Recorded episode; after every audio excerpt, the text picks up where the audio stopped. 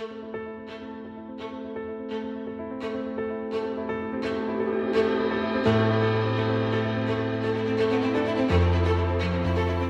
og sæl kæru hlustendur og verið hjartanlega velkomin í hlaðavarpið með lífið í lúkunum.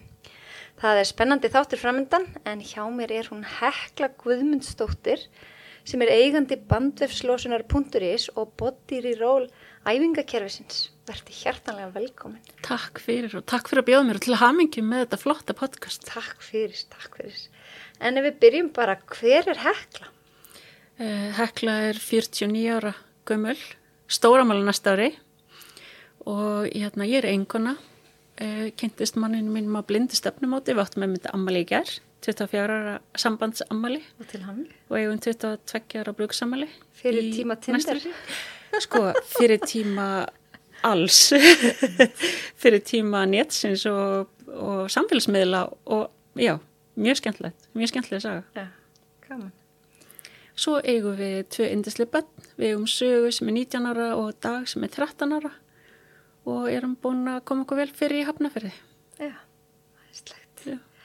Og hvernig kom það til að þú fórst út í bandvefslósun? Ég, Stofnaðir þetta æfingakerfi? já, ég var í allt öðru starfi hérna fyrir 2003 þegar Saga fæðist og ég sem sagt uh, uh, lendi í þeirra með slísum.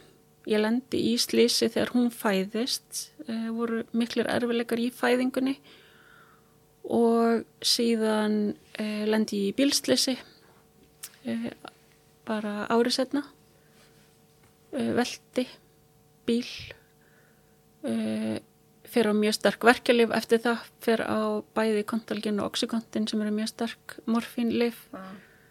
Uh, svo á- ári eftir það fer ég inn á Reykjulund, fer í endurhefingu og afveiturinn og svo lendi ég í aftanákjæslu eftir að við egnum stak og öll þessi slís hafðu svona mismunandi um, hvað maður að segja? Svona áhrif á heilsunum mína. Mm og hérna fæðingin hafði mjög slæm áhrif á mjadmyndnar uh, róbennið brotnaði uh, þvagblæðran yfirfylltist. Það voru alls konar, alls konar vandamál þar. Ég fekk vef, ég gekk í kjálfarið svo velti ég bílnum og þá komu bara rosalega miklir verkir svo lendi ég í aftanukistli og þá fæ ég mikla háls áverka og e, síðan bara mjög nýlega e, greinist ég með e, flókin vanda eftir höfuðhögg sem ég í rauninni hafði ekki gert mér grein fyrir. Og má reykja það til þessara slisa fyrir öllum þess- þessum árum? Já, og hérna og er bara með fullt að fagfólki í kringum mig að, að hjálpa mér að komast í gegnum það. Og hvernig, hvernig hérna ferðu þá út í bandvefslósunina? Hvernig þetta er í, huga? Er- Nýta, nýta er það og... Já, það kemur í rauninni þannig að ég byrja á því að hérna sko, þegar maður lendir í svona slísi og dettur út af vinnumarkaði, ég var frá vinnu í 14 ár Vá. og það gefur mann ekkit rosalega mikið að vera bara heima og ég var alveg duglega að finna mér eitthvað að gera. Ég byrjaði að sauma, Ómar maður minn gaf mér saumavél og, og vaknaði ofta nóttinu við að saumavélum var á fulli þá var ég að reyna að finna mér eitthvað. Að gera, gera eitthvað, þú veist, að því það er ekkit gott að sita bara aðgerðalaus. Og það er líka bara vond fyrir fyrir heilan. Heilin er náttúrulega bara vöðvi sem þarf Örfun? örfun, já, hann þarf örfun, það er bara þannig. Og ég fór eitthvað svona að reyna að fara út í eitthvað svona góðgjörðavinnu, safna einhverjum vinningum og fyrir einhverja góðgjörðasamkomur og svona. Og, og reyna þú veist að vera í einhverjum svona, já, bæði samskiptum við fólk, að því það er líka slæmt. Það er slæmt. Já, Við þurfum félags, já, félagslega helsa skipti svo óbáslega miklu máli Svakalega. og e, svo er ég svona að reyna að koma mér eitthvað áfram eftir að ég e, útskrifast af Reykjalendi maður reynda svo klára hann e, stakku upp á um til flýta til Spánar í ár og það er svo dásanlegt að vera í hita og fólk sem er með stóðkjörnsvanda og vefugikt og svona það veit alveg að að það hefur prófað að vera í heiti lofslægi, það hjálpar ótrúlega mikið. Þannig að það er mikið betur þar. Miklu, miklu betur. En svo búum við bara hér og þó þessi búið að vera dásanlegt sumar að þá erum við ekki með þetta heita loft. Og þetta er í rauninni bara þannig að ég fer að fikra mig áfram og reyna að finna einhverja reyfingu sem að myndi henda mér og það gekk ótrúlega erfilega. En svo hérna reykja ég mig á e, tíma sem að ganga út á sjálfsnött og bandislósun er í rauninni bara svona orð sem að er notað um æfingar þar sem unnið er á bandaskerfi líkamanns með einhvers konar e, nutturúlum eða boltum. Þetta er kannski gott að útskýra fyrir þá sem hafa ekki hugmyndum hvað bandvefslósun er. Er, já. Akkurat. Hvað er bandvefur í fyrsta lagi og hvað er bandvefslósun? Já, bandvefur er í rauninni bara tengivefur líkamanns. Þetta er bara líffræðilegt net, bara eins og bólurinn okkar og hérna bara ef við erum með fallega prjónaða peysu og tógum í eina lykkuna að þá náttúrulega hefur það mjög mikil áhrif á peysuna ef að, það, ef að þessi myndlíking já, já. hjálpar einhverjum að skilja eh, þetta stýður við líffæri þetta eh, hérna, ver líkamann en þetta gefur okkur líka getun á reyfingu og þetta skiptir alveg gríðarlega miklu máli í reyfingu þetta leifir reyfingu en bandun stoppar okkur líka af. Stundum verður þetta eh, ótrúlega erfitt þar sem að til dæmis og ég veit að margir, margir íþróttamann hafa lendið í því að þeir lenda í svona þrálátum meðslum og mörg meðsli eru bandvefstengt mm -hmm. þannig að hérna, við kannski rýfum aðeins svo fara fibroblast frumennar sem að mynda bandvefin að búa til þjættara nett bara eins og að gera við eins og amma gerði við sokkuna mínu prjónaði á mig öllasokka og svo kom gata hælin og hún bara alltaf að stoppa vel í mm -hmm. þá var það sokkur eins og ill reyfanlegur mm -hmm. þetta gengur, um, gengur út á vögva þetta gengur út á vögva flæði og þetta gengur út á það að sko eins og mjög margir spyrja mig já er ekki bara gott að drekka nógu mikið vatn það skiptir rosalega miklu máli en það er bara helmingurinn af sögunni við þurfum líka að koma vögvanum inn í bandvæskerfi mm -hmm.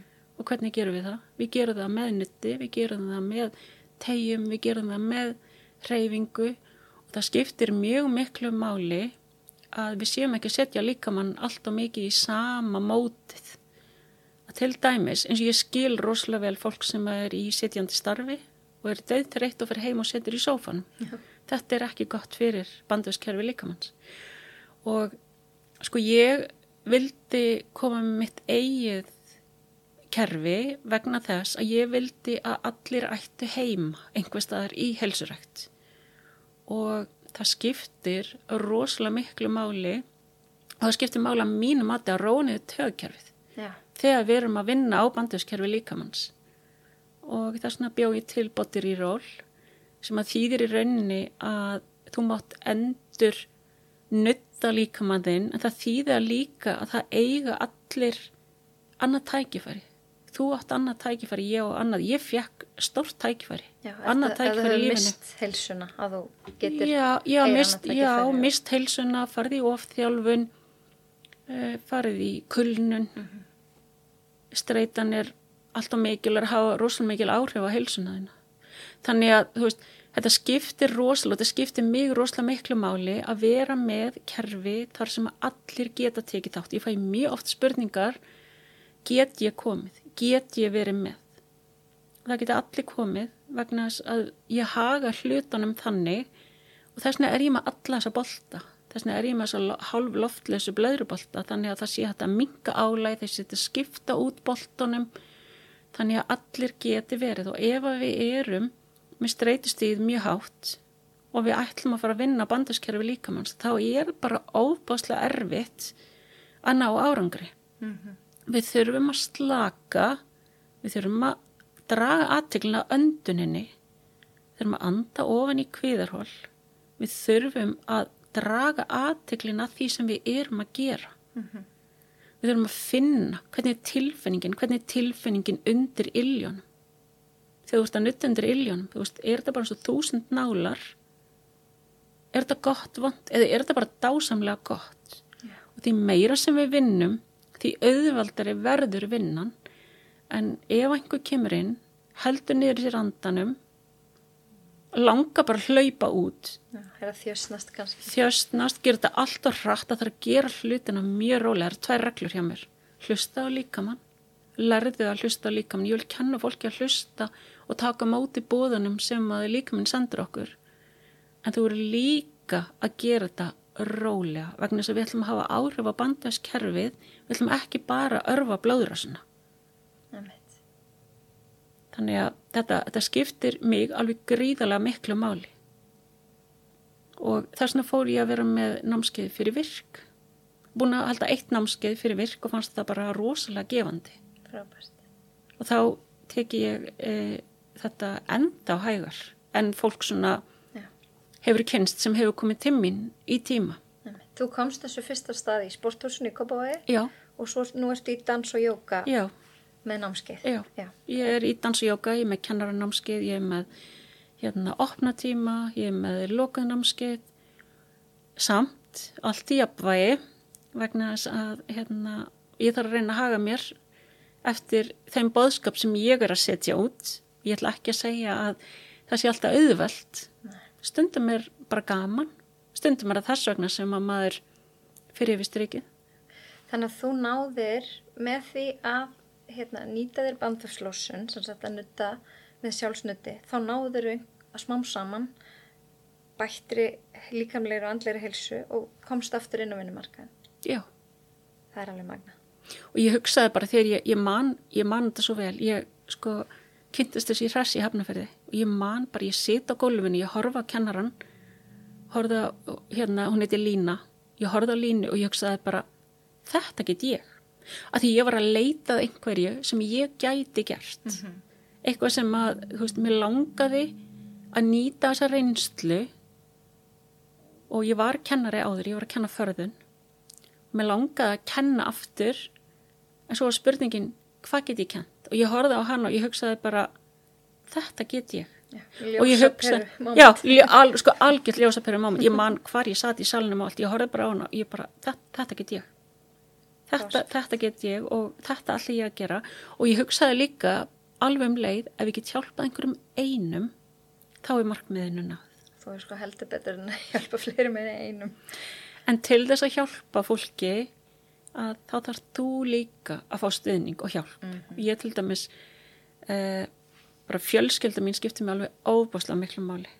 Ómar og bönnin skipta mig rosalega miklu máli og þetta er hálgjört fjölskyldi fyrirtæki. Uh, þau eru öll í rauninni að vinna í fyrirtækinu og er að hjálpa og þú veist, Ómar er besti vinnu minn uh, hann er bara minn helsti peppari og ráðgjafi og stelpan ótrúlega duglega stelpan gera til dæmis heimasíðuna nýju heimasíðuna mína. Bandvefslósun.is. Já, ég var með aðra sem var alltaf flókin og var, það var ekkert nema vesina á henni. Og hún sagði, sagði við mig, mamma, ég get bara að redda þessu. Frábært. og ég bara, heyrðu, þú ert bara ráðinn ráðinn í vinnu. Og hérna, og svo bara ómar í alls konar verkefnum og, og hérna, og það er bara það skiptir líka svo maklu máli að ræða hlutina við fólk sem þú treystir. Algjörlega. og fólk sem þið þykir vendum Þá kannski komum við bara að næstu spurningu sem er mér finnst stóra spurningin í þáttan. Hvað er helsa fyrir þér? sko, heilsa fyrir mér, sko, heilsa er allt annað. Ef þú hefði spurt mig fyrir 2003, það hefði svarið örgulega verið allt annað. En heilsa fyrir mér er í rauninni, sko, lærdómur og hvernig getum við hagað okkar lífi þannig að bara okkur líði sem best og heilsa er náttúrulega, veist, hvernig getum við verið sem mest heil? Og þetta er, þetta er líkamlega heilsa, þetta er sálræn heilsa, þetta er félagslega heilsa, þetta er fjárhagslega heilsa, þetta er hugræn heilsa. Og hugræni þátturinn skiptir alveg rosalega miklu máli. Og ég er ekki, ég ætla ekki að fara að segja það að ég hafi verið svona jákvæð þegar ég egnaðist sögu fyrst, þegar ég lendi í bílveltinni, þegar það var kert aftan á mig. Og veist, ég hefur alveg verið erfitt núna í nýjastu endurhæfingunum minni eftir að ég greindist með afleggingar eftir höfuðhögg að sko það er það skiptir rosalega miklu máli að vera jákvæður og horfa svolítið á bara alltaf eins og glasið sé hálf fullt frekar en það sé hálf tómt það skiptir líka máli að vera skinsamur og mér finnst rosalega mikilvægt að koma þeim skilabóðum til fólks sem að er kannski í þessari stöðu sem að ég er í, ég var í. Þetta er náttúrulega, þetta er rosalega langt ferðalag. Já, þetta er frá 2004, 2003 2003, já. Það, já, 20 ár. það eru 20 ár í desember. Þannig að og það skiptir svo miklu máli að, að sko að fólk skilji að við þurfum að sko átt okkur á því að það, það, er eðlilegt að vera leiður, það er eðlilegt að vera neikvæður, það er eðlilegt að tuða, ég tuða ógeðslega mikið og bara auðmikið af fólki sem var í kringum mig Þetta er hlæðið núna. Já, er þetta að hlæja þessu núna, auðvitað ómar og fjölskyldan. Alveg, tuða, tuða, þetta var allt ómögulegt, en það er bara þannig. En svo uh, verður að koma einhver þráski og einhver, þú veist, þykja ráðinn og koma sér eitthvað áfram og þá eru góði ráðinn frá mér þessi. Uh, þú átt góða daga, þú átt slæma daga. Á góðu dögunum komdu með skynnsemina inn í mengið. Ekki þræla þér út á góðum dögum. Já, Ég gerði svo. það og borga svo dýrum dómi fyrir. Sko, ég neðst sögu, ég varð að fara í memmuklúbana, ég varð að fara út að lappa með batnið, hafa brjóstakjöfuna alveg á hreinu, uh, samt þurfti ég að vera upp á spítala og uh, allt það sem var í gangi heilsulega séð og byrjaði strax í sjúkraþjálfun, bara með hana nýfætta, uh, mætti niður á takfæradelt, oft í viku og þú veist, en samt ætlaði ég að gera allt hitt líka. Mhm. Ég ætlaði að vera í félagskapnum, ég ætlaði að mæti í alla saumaklúpa og ég sko, ég man eins og eftir ég lá í rúminu og ég bara, ég er að fara í saumaklúb og Ómar kemur inn til mér og sér í alvörunni. Og þá allt í einu kviknaði annað ljósbyrjum moment, þú veist. Nei, ég mögulega þarf að sleppa þessum saumaklúb af því að ég hef ekki heilsuna til þess. Og líka upp á þetta með hilsuna þannig að við séum með alla kökuna og þetta sé allt í jaft, þetta sé allt í jafnvægi Mhm. því jafnvægi skiptir svo óbáslega miklu máli að þú veist ok, ég ætla að sleppa þessum saumaklúb en ég þarf samt að viðhalda félagslegri helsu og ég var seg um það að taka félagslegu helsuna bara og setja hana bara á byð og geima hana bara og ekkert að hitta vinkonur og reyna og reyna var rosalega mikið og ég sagði sjálfur mér og ég er nýbúin að segja þetta stutt síðan ég sagði þetta. Og stundum áttast maður sér líka á hlutan bara með því að segja það upphátt. Að ég sagði bara já já svo bara sameinu við vinnu og félagslega helsu og ég fyrir í vinnuna og ég hitti fullt af fólki og þá er ég bara búin að fullnaða minni félagslega helsu ég þannig að hitta vinkonur og og veist og það allt saman líka sko. Já, svona dýbri samskipti. dýbri nánari sam, samskipti. nánari samskipti og bara ræða hlutina og, og ég, veist, ég er óbáðslega heppin, ég er svo heppin ég er búin að kynast fullt af frábæra fólki eins og þér sem að sko, ég get líka rætt hlutina við e, bæði á faglegum grundi og svona persónulega. Og geta verið hérna fullt, fullt af fólki. Fólki sem ég verið bæði hjá í hérna í meðferðum hjá þú veist, búin að vera sjúkraþjálfin, búin að vera kýropraktur, búin að vera í nutti og, og veist, í tímum, jókatímum, jókanýtra og kynst fullt af frábæri fólki og finnst líka svo mikilvægt að maður læri frá og hjá því fólki sem maður er í meðhundlun allir þessu frábæra fagfólki að þú veist, ef þú ert í endurhæfingu, nýttu þér e, þetta sem fólk er að reyna að kenna þér þekkinguna. Og svona horfðu aðeins á sko að því það er svo auðvelt að segja bara og þessi manneski hún veit ekki neitt um þú veist hefur möguleg ekki lent í s- sömu hérna uh, bara Lífsreynslu. lífsreynslu og ég þú veist og hérna er nefnilega lífsreynslunar sem þróska okkur. Nei, lífsreynslan þroskar okkur rosalega og ég bara allt þetta, þetta er búið að þroska mjög, mjög mikið og ég á tímbili vildi ekki ræða það sem hafði gerst. Og ég var svolítið þannig uh, við ætlum ekki að horfa tilbaka við ætlum bara að halda áfram. Mhm. en uh, það er svo mikið lært á mér í að horfa tilbaka og skoða þú veist, hvað hefur gæst og ég segi fólki mjög reglulega að til dæmis árangur og fyrsti sjúkraþjálfarinn sem að ég fór til, hún kendi mér því ég var svo óþálumóð, ég sagði það er ekkert að frétta hérna. Það eru liðna þrjára vikur og mér er ekki batnað. Og hvað ætlum við að gera í því? Og hún sagði sko þú verður að horfa miklu lengri tíma.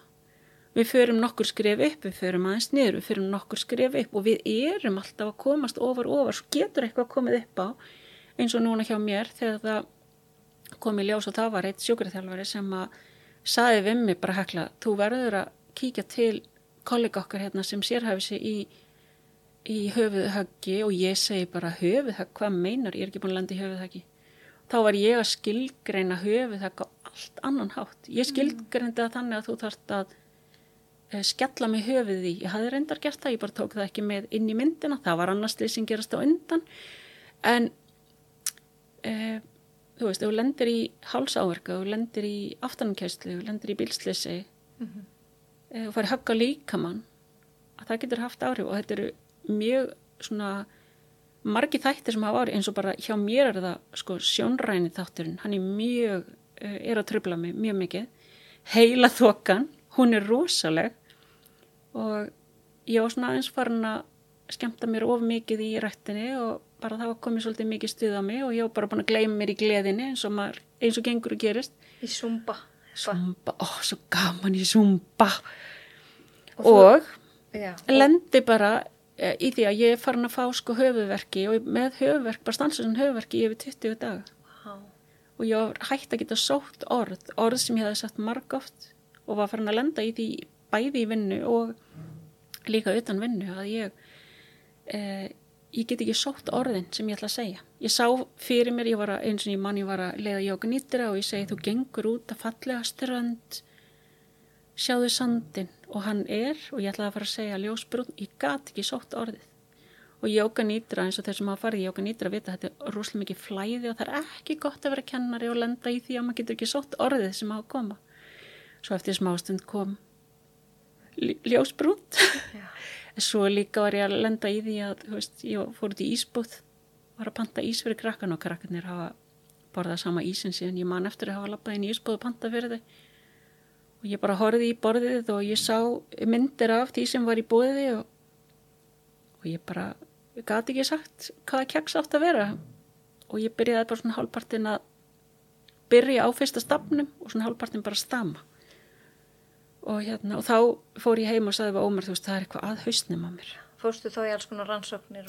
Já, þá í rauninni uh, segi ég við uh, sjúkraþjálfaran sem ég er hjá, ég segi bara við hann, herði, ok, hérna við skulum gera þetta og við skulum hitta sérfræðingin hérna sem að sérhæfi sig í, í höfuðhöggum og, og heilarhristingi og, og fór í bara var látin fylla út hérna alls konar lista og fekk alls konar spurningar og þá kom bara í ljós að ég tekaði bara rúslega mörg boks og þá uh, og hann í rauninni sér um endurhæfinguna ég er að fara til alls konar sérfræðingur fór til innkjörtla sérfræðings í blóðmælingar og þá kom ég ljós að, að hérna hormonarnir voru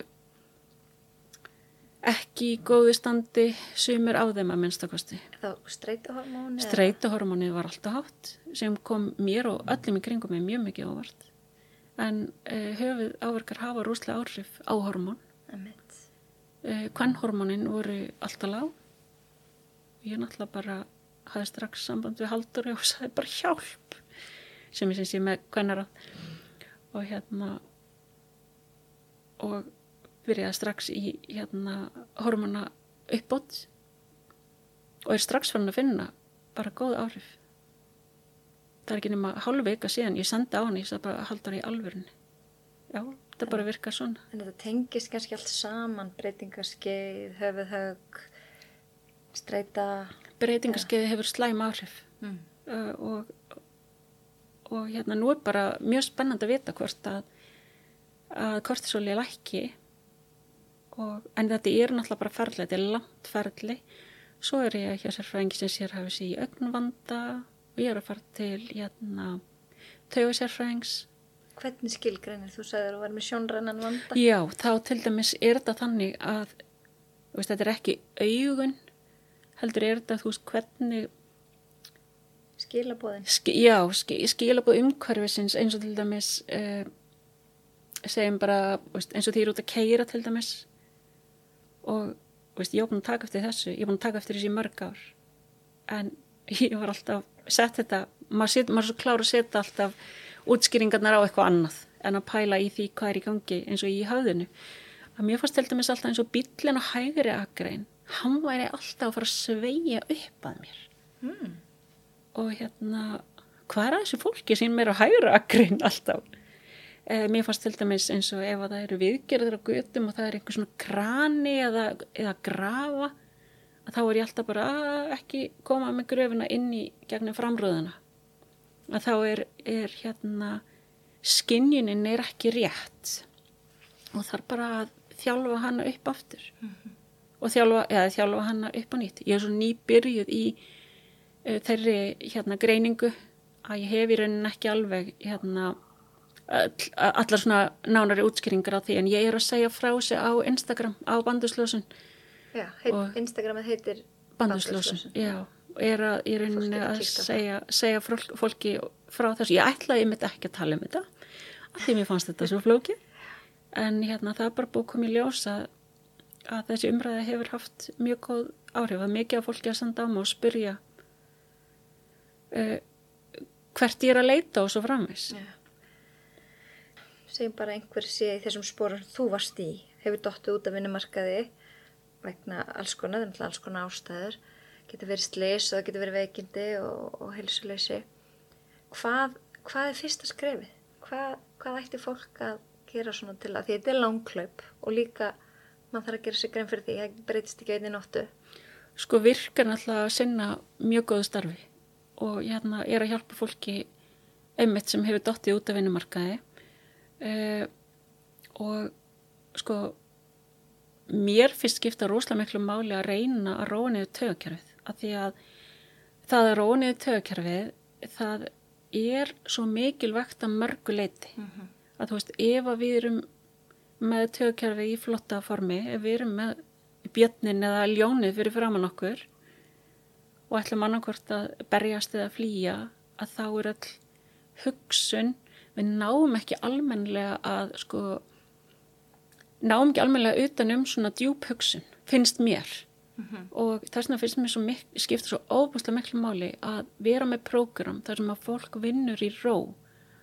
Og mér skipta líka mjög miklu máli eins og að að nú er fullt af fólki að kenna prógrami mitt.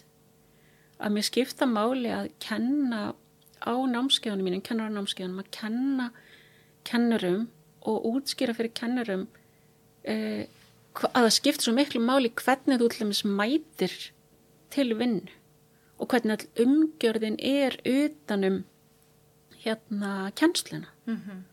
af því að það skiptir rosalega miklu máli til dæmis hvernig ég er stemd þegar ég er að kenna. Og veist að ég sé í ró. Já, smittar frá þessari jákvæðu ég þarf að vera jákvæð þarf að vera hérna maður þarf að vera rólegur. Það er að ég þarf að róa niður mitt haugakerfi að ég tek á móti það þýr ekkert að ég sé bara eitthvað Nei, upp að háa, þú veist, þegar fólki kemur inn og, og eitthvað, þú veist, ég þarf að vera róleg svo að aðrir verði rólegir. Þa, það skiptir alveg það skiptir alveg rosalega miklu máli. Og sko Þetta er ekki eins og fómflexið hérna í gamla dag það er, maður bara því verra því betra var sagt sko, því meira sem maður fann Já, til. sko og maður átt að segja því að þá var maður örgla bara að sko, sko auðvitað fara að gera eitthvað gagn en ég held að taugakerfi hafi ekki haft mjög gott af þessu og, og hérna. Nei, og við sko sem fer, er þetta þannig og þú veist, þá að byrja að rannsaka bandöfun svo seint. Veist, þetta var ekki fyrir upp á 1960 sem byrjaði að rannsaka hann af einhverju viti og, og þetta er svona eitt það fag sem skiptir óbúslega miklu máli. Ef maður er og ætlar að vera í þessari vinnu þá þarf maður að gefa sér og ég tala alltaf um að gefa tíma við eigðum ekki tímanum okkar, við gefum okkur tíma, við gefum öðrum tíma. Og skiptir svo miklu máli að gefa sér tíma til að fylgjast með allri þróun. Og það var í rauninni bara það sem að ég fór strax út í að ég fór að reyna að finna, þú veist, menta mig meira fylgjast með, fylgjast með allum rannsóknum sem eru að koma. Og það eru bara mjög marga rannsóknir sem að e, benda til þess og sína fram á að þetta þarf ekki að vera vond til þess að virka og það eru margir erlendir e, vísnumenn sem segja easy does it. Já, ég finn bara strax sko hvenar ég fór á námskeið þegar 2020, Já, hvenar já. fyrsta námskeið, það ekki, 2020. Já, Ég finn bara strax á þessum stutta tíma hefur þetta, það hefur hægt á þessu.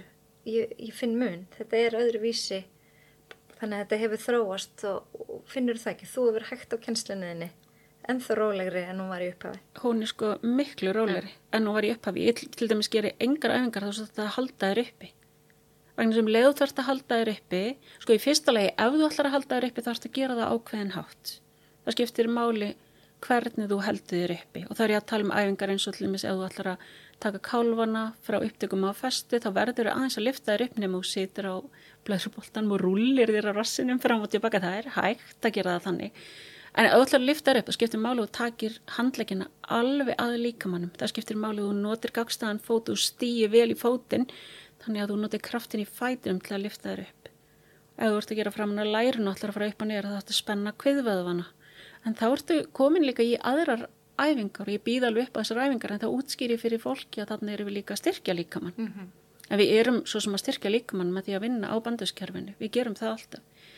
En það skiptir óbóðslega miklu máli að vinna í ró og ég hef hægt og hæglæti til dæmis.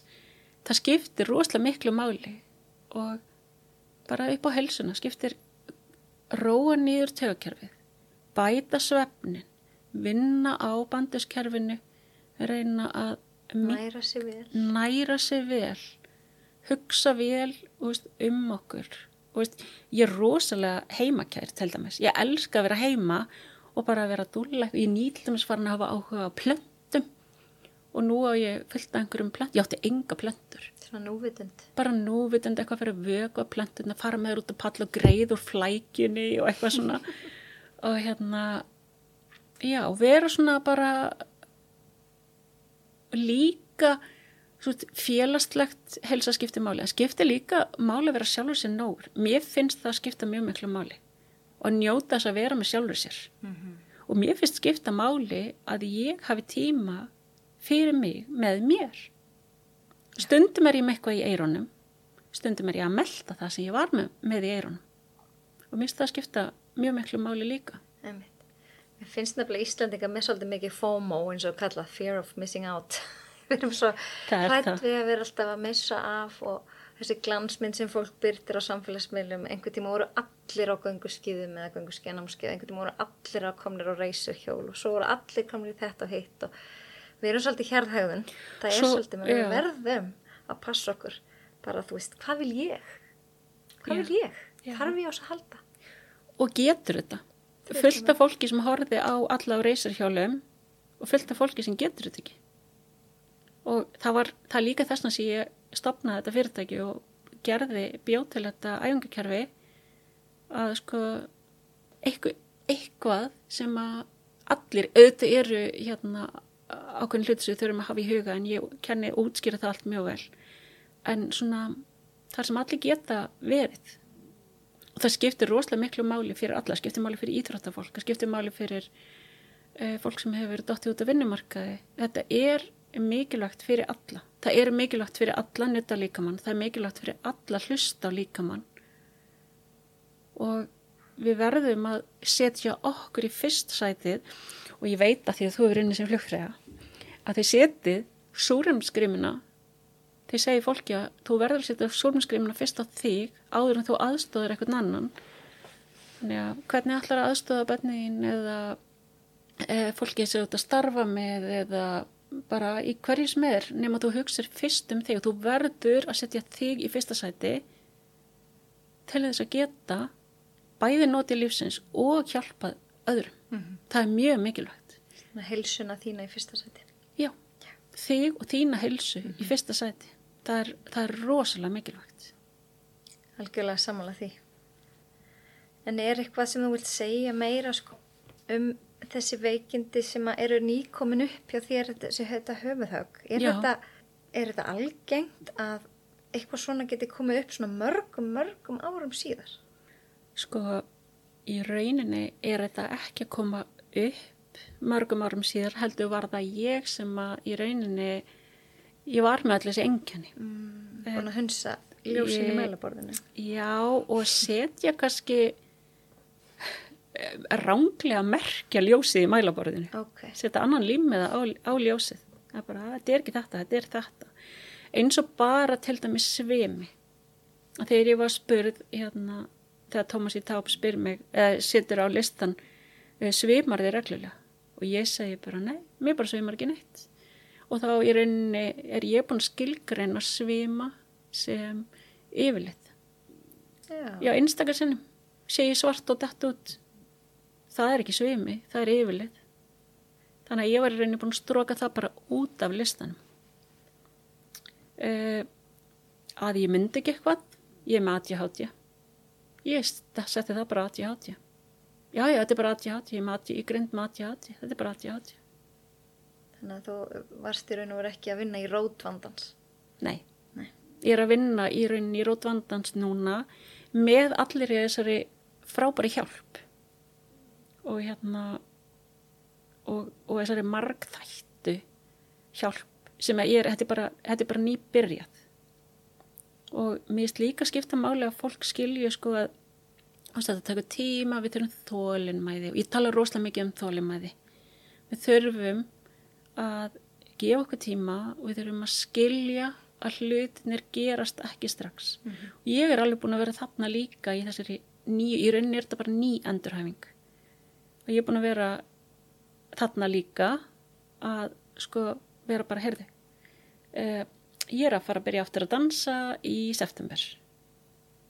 Uh, og þú veist, ég er búin að læra svo rosalega margt á þessari endurhæfingu. Ég er búin að að læra það til dæmis að setja sjálfri mér mörg þú veist, maður er rosalega duglega að setja öllum öðrum mörg það búið að vera, tala rosalega mikið um það settu öðru fólki mörg gagvart þér. En sko, hvaða mörg erum við að setja okkur? Og til dæmis eins og að ég fór að fylla út eh, hérna blöð engjana hvað er ég með mikinn svima? Hvað er ég með mikla heilaþóku höfuðverk og allt þetta. Og hvað, þú veist, eftir æfingarnar. Ég fyrir á trekkjóli mitt, ég má hjóla inni. Ég get ekki verið að horfa á sjónvarpið á meðan ég get ekki verið út að hjóla því það hefur á mikil áhrif á, á sjónrænatáttin hjá mér og sko ég þarf að átta mig á því að þetta tekur, veist, þetta tekur bara hérna, þetta tekur tíma. Þetta tekur tíma þetta tekur allt tíma, þetta tekur tíma að taka þessi hérna bara fyrir alla þessa þætti þú veist. Það þarf, allir þessi þættir þurfa að, bara sinn tíma í rauninni. Já. En það er bara eins og þú veist að segja fyrsti sjúkarþjálfarinn hafi sagt þú ert alltaf að fara nokkur skrifa fram og svo eitt aftur að bóka og nokkur áfram. og áfram, já, En nú ertu kannski bara akkurat í þessu, eða þú veist, þegar þú greindist uh, með þennan, þessa höfuverki í 20 daga, það var það kannski eitt svona skrif aftur á bak já. í bataferlinu. Já, það var bara, langhlaupinu. já, og að átta mig bara og, og að í rauninni að hlusta þá á, það var heiða sjúkraþjálfarinn minn, hinn sjúkraþjálfarinn, að hún sagði bara, þú þarft að spá í þessu og að bara hlusta á hann og bara treysta því að, að hún er fagmaður og hún vissi um hvað hann var að tala. Þannig að, og líka bara að, þú veist, eins og við erum að hugsa um þessi, alla þessa þætti sem að, sem að skipta máli, að þurfum að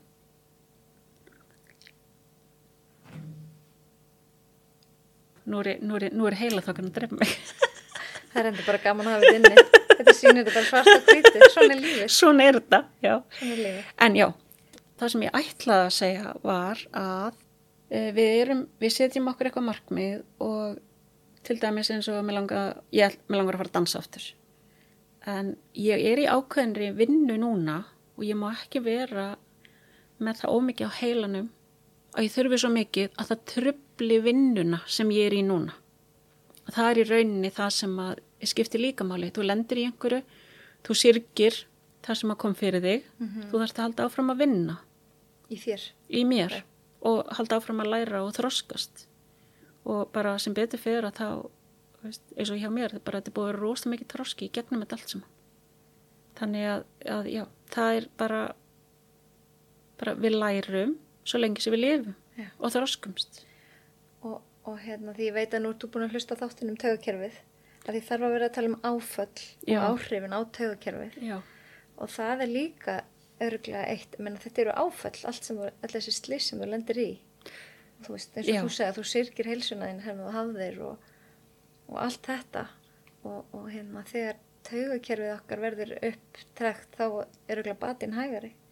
Algjörlega. Og, og þú veist við geymum líka minn geymir geymir áfall það er bara þannig. Mm -hmm. þau að gera geymir áfallin þannig að hérna, það skiptir líka máli að vinna að gera þessa vinnu og, hérna, og læra síðan af því að átt sér líka bara á því veist, hvernig, eins og bara ég sagði hvernig heilsa er, hvernig er best að haga mínu lífi þannig að mér lífi sem best. Sína sér sjálfsmildi. Sína sér sjálfsmildi algjörlega. Skiptir svo miklu máli. Algjörlega það er nefnilega máli Mér finnst rosalega gaman að kenna fólki, mér finnst gaman að fræða fólk og ég vona bara að veist, þessi kennsla og miðillin, ég er miklu duglegur á Instagram heldur en Facebook, ég er með bandislóðs með hekla á Facebook, en ég vona að, veist, að þessi fræðsla og það sem ég er að leggja á borðið fyrir fólk, ég vona að það bara gefi einhverjum eitthvað. Já, ég er alveg viss um það. Markmið með þessu hlaðvarpi er með þetta, að fá til mín fólk eins og þig sem hefur brennandi áhuga einhverju og hefur svo mikinn áhuga á að miðla og hafa jákvæð áhrif. Það er bara, ég, ég sjálf brenn fyrir það að hafa jákvæð áhrif á heilsu annara og líðan annara. Þannig að ég er svo þakklátt fyrir að, þú og, og allir aðrir sem að hérna, hafa komið og eru væntanlegir í þáttin viljið bara taka þátt í þessu, þessu Já. heilsu ferðalagi. Ég er bara svo þakklátt að þú skildir láta verða að þessu. En er eitthvað sem þú vilt segja að lokum? Er eitthvað... bara hlustum á einn líkama, hlustum á bóðin, reynum að hérna, finna út hver jafnvægislína, ég trúi því að við höfum öll okkar jafnvægislínu, hún er misbreið, sumir eru með mjóa línu eins og í sirkus, sumir eru með heila gangstjættu eða götu. Á, þetta er hvað samlík. reynum að uh, átt okkur á því og reyna að falla ekki of mikið út af sumir eiga svo erfitt með að skrýða upp á línuna aftur. Og bara lifum og lærum Já. og njótum lífsins. Þannig ef að fólk vil kynnast bandvefslósun, Já. hvert á það að leita? Bara það er hérna, mjög gott að fara bara á Instagram uh, eða á Facebook. Fólk getur samt mér líka tölpast, heklat bandislósun.is, farið á heimasíðina. Uh, svo eru námskið og opni tímar uh, í dans og jóka og þá er það dansujóka.is. Er til einhver myndbönd þannig að þeir sem að vita ekkert hvað við erum að tala um Já. geta séð hvað þetta er? Já, farið á Instagram og skoðað myndböndin á Instagram. Frábært. Ég verð nú að nefna aðeins inn að lokum að því að hérna, ég, eins og ég sagði hann, lærði hjá þér og held nokkur námskeið. Og ég gleymi því ekki að einn sem var á námskeiðinu, hún sagðist ekki hafa getað lift öxlinni upp fyrir höfuð í mörg ár. Og eftir tvö skipti, ég veist þetta voru klukkutíma tíma rúmlega, eftir tvö svona skipti, þá bara hann, ég trúi þess ekki, ég get bara að fara að svepla hérna höndunum í allar ringi og allar áttir. Og sko fyrir utan þetta að róa tögukerfi og hvað þetta er notalegt og örgulega eina slökunni sem sumir fá í vikunni er þess að tímina slökunni í lokin bandefslósuninni að þá er þetta líka svo ótrúlega mikilvægt til reyfi getuna. Þetta skiptir Okkar. öllu máli fyrir hreyfugetuna og liðilegan og málið er að upptökuverkja eru sjaldnast þar sem að þau koma fram. Einmitt. Og mögulega hefur þessi verið með þurkiband við spennu einhverstaðar og þú hefur farið að nutta á það svæði og haft þessi áhrif. Einmitt. Og ég get sjálf sko að því að nú er ég búin að þekki þetta lengi en ég tengdi ekki, ég var búin að vera með verk ofan á ristinni. Já. bara ofan á beininu hérna því ég fór út að hlaupa svo fór hann alltaf því ég var hann heitt en ég átti og ég var alltaf svona að nutti kring og þetta var bara svolítið eins og að íta marblett virkilega vond herri, svo fór ég í nutt og þá áttaði ég mig á því að ég var svo stíf hérna í hérna, vöðvanum hliðin og sköplungsbeinunum fyrir neðan hnið og bara það að því ég náðu að nutta þar að hann bendi mér á þetta hérna erstu rosalega stíf, það er ekki skrítið þessi illt í ristinni. Og ég bara ha? Og ég sem veit samt mikið um bandvef og um reyfingu og allt þetta, ég var ekki búin að kveika perni þarna, kannski er einhverju hlaupar er einhverju núti sem tengi við þetta? Þá veit það er hvað þau geta gert. Já, og líka sko, þarna kemur líka inn í eh, bara bandvefs hérna, brautinnar og hvernig það er, þú veist, bandvefurinn tengir vöðvana saman eftir ákveðnum brautum. Þannig að, að þarna kemur líka og þetta er eh, brautin sem liggur framan á. Og hérna og skiptir mig mjög miklu máli um þetta að kenna fólki um brautinnar og að skilja eitt veist þú finnur til og veist stífi ristinni og með, með verk þar og er það mögulega einhver staður á innan þessarar brautar sem að er að hafa þessi áhrif? Og svo er þetta líka spurninga eins og með þegar fólk fyrir myndatökur. Fólk fyrir myndatöku og læknurinn segir að það sást ekki nætt en sko þú sérði ekki bandvef í nema í ómun Einmitt. Þannig að mjög algengt að fólk kemur í tíma sem er búið að fara í alls konar myndatökur og það sést ekki neitt. En þá eru líka læknar og sjúkraþjálfarar og kýrópraktorar það er fullt af flotti fagfólki að mæla með þessu og mæla með það að fólk nutti sig. Já, það eru miklu meiri sko vitendavakning um þetta. Já, og bara mjög mikil síðust árin og allt þetta fólk sem að vinnur sitjandi vinnu, skrifstofinnu og flugmenn og, og bílstjórar og svona að vöðvarnir framan á einna sóasvöðarnir, þeir eru oft svo ofbosla stuttir Já. og af því að þeir tengjast aftur þá fær fólk oft illt í mjóbaki. Þeir tengjast aftur þetta er bara bein tenging. Já, og, en þetta veit ekki svo margir. Nei. þeir þurfa að tegja á sóasvöðunum og jafnvel að nutta Já, mér langar að segja þarna að þetta skiptir alveg rosalega miklu máli að ekki nutta sóasinn nema þú sért með mjög uh, faglegar já, bara faglega leiðbenningar ja, að það er allt og mikið um það að fólk eru að sína myndband á Instagram og Facebook og örgla TikTok. Ég er ekki búin að læra og ætla ekki að læra það. Treystum mér ekki enn einn miðlin en sko þú verður, það, er, eru viss atriðis og þetta varast, mm -hmm. þetta, þetta getur verið beinleins verið bara mjög hættilegt ekki losa sóast nema undir eftirliti fagmanns. Ja. Þú verður að vita hvað þú ert að gera. En ekki, fólk getur teikt. Já, já, já, já, já, já, fólk getur teikt. En ekki fara með bolta, leggjast að bolta, það skiptir rosalega miklu máli hvernig þetta er gert. Koma bara eitt námski til því. Koma bara námski og læra bara að gera þetta. Eða hjá einhverjum öðrum, þetta er á þetta er nokkur stöðum, þú ert búin að vera svo dögulega að kenna með kennaranámski, þannig að þetta er komið um allt land. Já, og hérna bara gerðu þetta, fáðu fagmann til að kenna. Ég segi við kennara hérna nefnana ekki kenna sóaslósun um 150% klár á því hvernig á að gera þetta. Mikilvægt að koma þessu að. Þetta skiptir alveg rosalega miklu máli.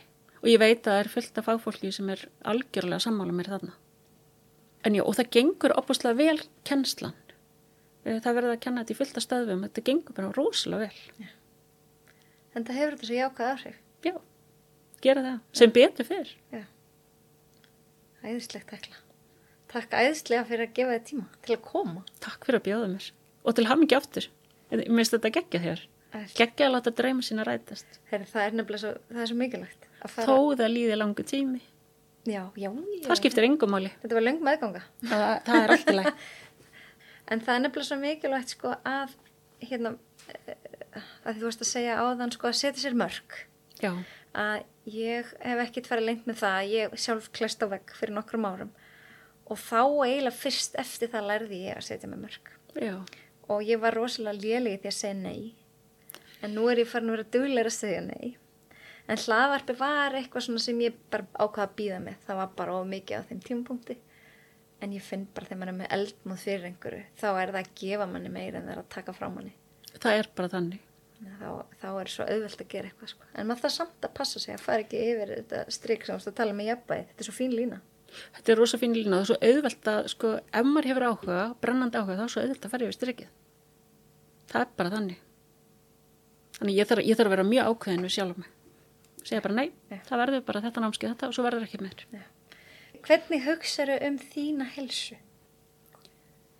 Ég hérna, næri mig fallega. Ég hérna, reyfi mig eins og ég hef hérna, ráleggingar og fengi ráleggingar um núna í þessu nýja ferli. Eh, Ég er að hjóla inni á hérna, trekjólinu mínu, minnst ekki skemmtlegt. Langar að fara í stiðið. Já. Ertu farin að geta að fara út í göngutúra? Já, Já. ég fyrir út í gangtúra. Ég þarf að passa mig hvar ég stíg niður. Ég þarf að passa svolítið landslæðið í gangtúrunum. Uh, fara meira svona að ég geti bara hort fram á við og lappa bara, bara áfram í staðin fyrir að vera að horfa rosa mikið niður fyrir mig að það grjót þarna og eitthvað. Það tröfla rosalega sjónræna þáttinn til dæmis. Uh, ég bara elska að vera með fjölskeldinu minni og bara njóta þess. Ég elska að vera út í náttúrunni. Það er sko allt annað að ganga úti eða bara að sitja og horfa á sjóin, eitthvað svona bara vera í algjöru núvitund, njóta þess að fara í tíma hjá öðrum og ég bara, og vera hjá allir þessu fagfólki í meðferð. Þú veist, ég er með hérna gýrapraktor, ég er með sjúkraþjálfara, ég er með nokkra lækna og, og hérna e, samstarfsfólk sem eru líka vinni mínir. E, mæti sjálf í tíma, jóka nýttra, innjóka og ég er með sumba þarna fyrir fram mig. Það hangir á gulrót. Já. Þú ferð að fara það haust. En ég ætla, já, ég, ég heldur endur að haust hafi verið kannski aðeins of, hérna, en ég er rosa heppin, ég er með eina sem ætlar að taka með mér í enga tíma, smá svona með svolkleru og eyrnatappa og bara mjög lága tónlist Já. eða jafnvel enga tónlist. Já. Er það, er það tónlistin sem er... Sko það er tónlist, það er háfaðin, það er ljósin, uh, ég er með rosa mikinn samhæfingavanda líka. Þannig að hérna, og það kom bara, bara mjög svona skýrt þegar ég fór að gera æfingarnar sem sjúkraþjálfarinn setti upp. Ég prentaði út sko bleðin og setti það við hliðin á mér að því ég átt svo erfitt með að spegla. Þannig þegar ég setti möppuna fyrir fram að mig að þá var þetta ótrúlega flókið eitthvað. En þegar ég setti hann við hliðin á mér þá var svona svo föttuð við það að það líka hægt að kenna fólki reglur. Já.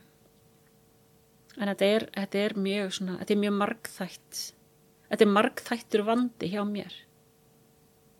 En ég er rosa þakklátt. Ég er þakklátt fyrir alla þjónustunum sér að fá, alla hjálpinu sér að fá. Og hérna, og stefni bara út á dansskólfið aftur. Hvernig sem ég gerða. Kannski var þið komin svona, að við hafa svo gaman að að vera með svona alls konar þemapartí. Það verður kannski bara orðið svona þema í hverjum einsta tíma. Allir er með sólkleru og derhúi og heyrnatappa. Silent disco, allir með sín eigin hérna. Silent disco, það er geggja. Já, ég var allan með mitt silent disco. Já. Það er alveg að reynu. Láta sér dreyma. Já. Það er rosa holdt að láta sér dreyma. Það er það sko. En mér finnst æðislegt, bara svona til að taka aðeins saman, að það sem að þú ert búin að nefna, að sam, það er samnefnari, þú ert búin að tala um náttúruna, það er búin að eitt þáttur um það, hvað það er, bara gefur manni mikið að vera út í náttúrunni og þú talar mikið um tögakerfið og það er búin að vera þáttur um tögakerfið og svo var um líkamsverðingu og þetta að, að sína sjálfum sér vera stoltir í því hvað líkaminn getur í staðan fyrir að einblýna á eitthvað útlitt. Þakka fyrir. Þakka fyrir. Þakka, lí- ég þakka líkamann mínum að hverjum einasta degi þegar ég vakna og þakklæti skiptir óbúslega miklu máli. Þakklæti er mjög mikilvægt í, þá, mikilvægu þáttur í heilsu, finnst mér. Ég hvet fólk til þess að skrifa niður í dagbókina sína að þrend okkur um einasta degi sem það þakklátt. Já, ég er með með hérna, þakklætisdagbók, Æðislega. hennar möggu sem ég skrif alltaf í. Skiptir bara óbúslega miklu máli. Og vera alltaf- líka með þetta svona sjónrænt fyrir framann sig að sjá, veist, það var eitt það ég lærði líka ekki vera með þetta bara í símanum vera með bók, skrifa í bók Hugur og hönd. hugur og hönd algjörlega, Það er nefnilega oft, það er svo margt sem við tökum sem sjálfsögum hlut sem að maður átt að sé á því maður fyrir að skrifa það niður. já, Hvað maður er þakkláttu fyrir, eins og bara íslenska vatnið. Við tökum þessu sem svo ótrúlega sjálfsögum hlut, þangar til maður fer eitthvað annað. já, einhver sem kom til minn einhver tíma og hún sagði, vá, ég var í einhver landi það er ekki eins og hægt að styrta niður. Þú veist, okkur finnst þetta svo sjálfsagt að styrta niður en það, það er ekkert sjálfsagt alls þar þannig að fullt, fullt af svona atriðum sem að við bara, við bara lítum upp. Allar þessar dásanlegu sundlegar. Og laugar og náttúrulegar og allt sem við höfum hérna. Algjörlega. Þetta er óspilt náttúran og, og bara hreinleikinn og við erum ótrúlega heppin. Já. Ótrúlega heppin. Ég held sem bara komum með ansi góð ráð til fólksins til að hugað hilsunni. Já, ég vona það, jú. Takk kærlega, elsku hekla, fyrir að koma og gefa þið tíma. Takk fyrir að bjóða mér og bara til hamingi aftur. Takk kærlega.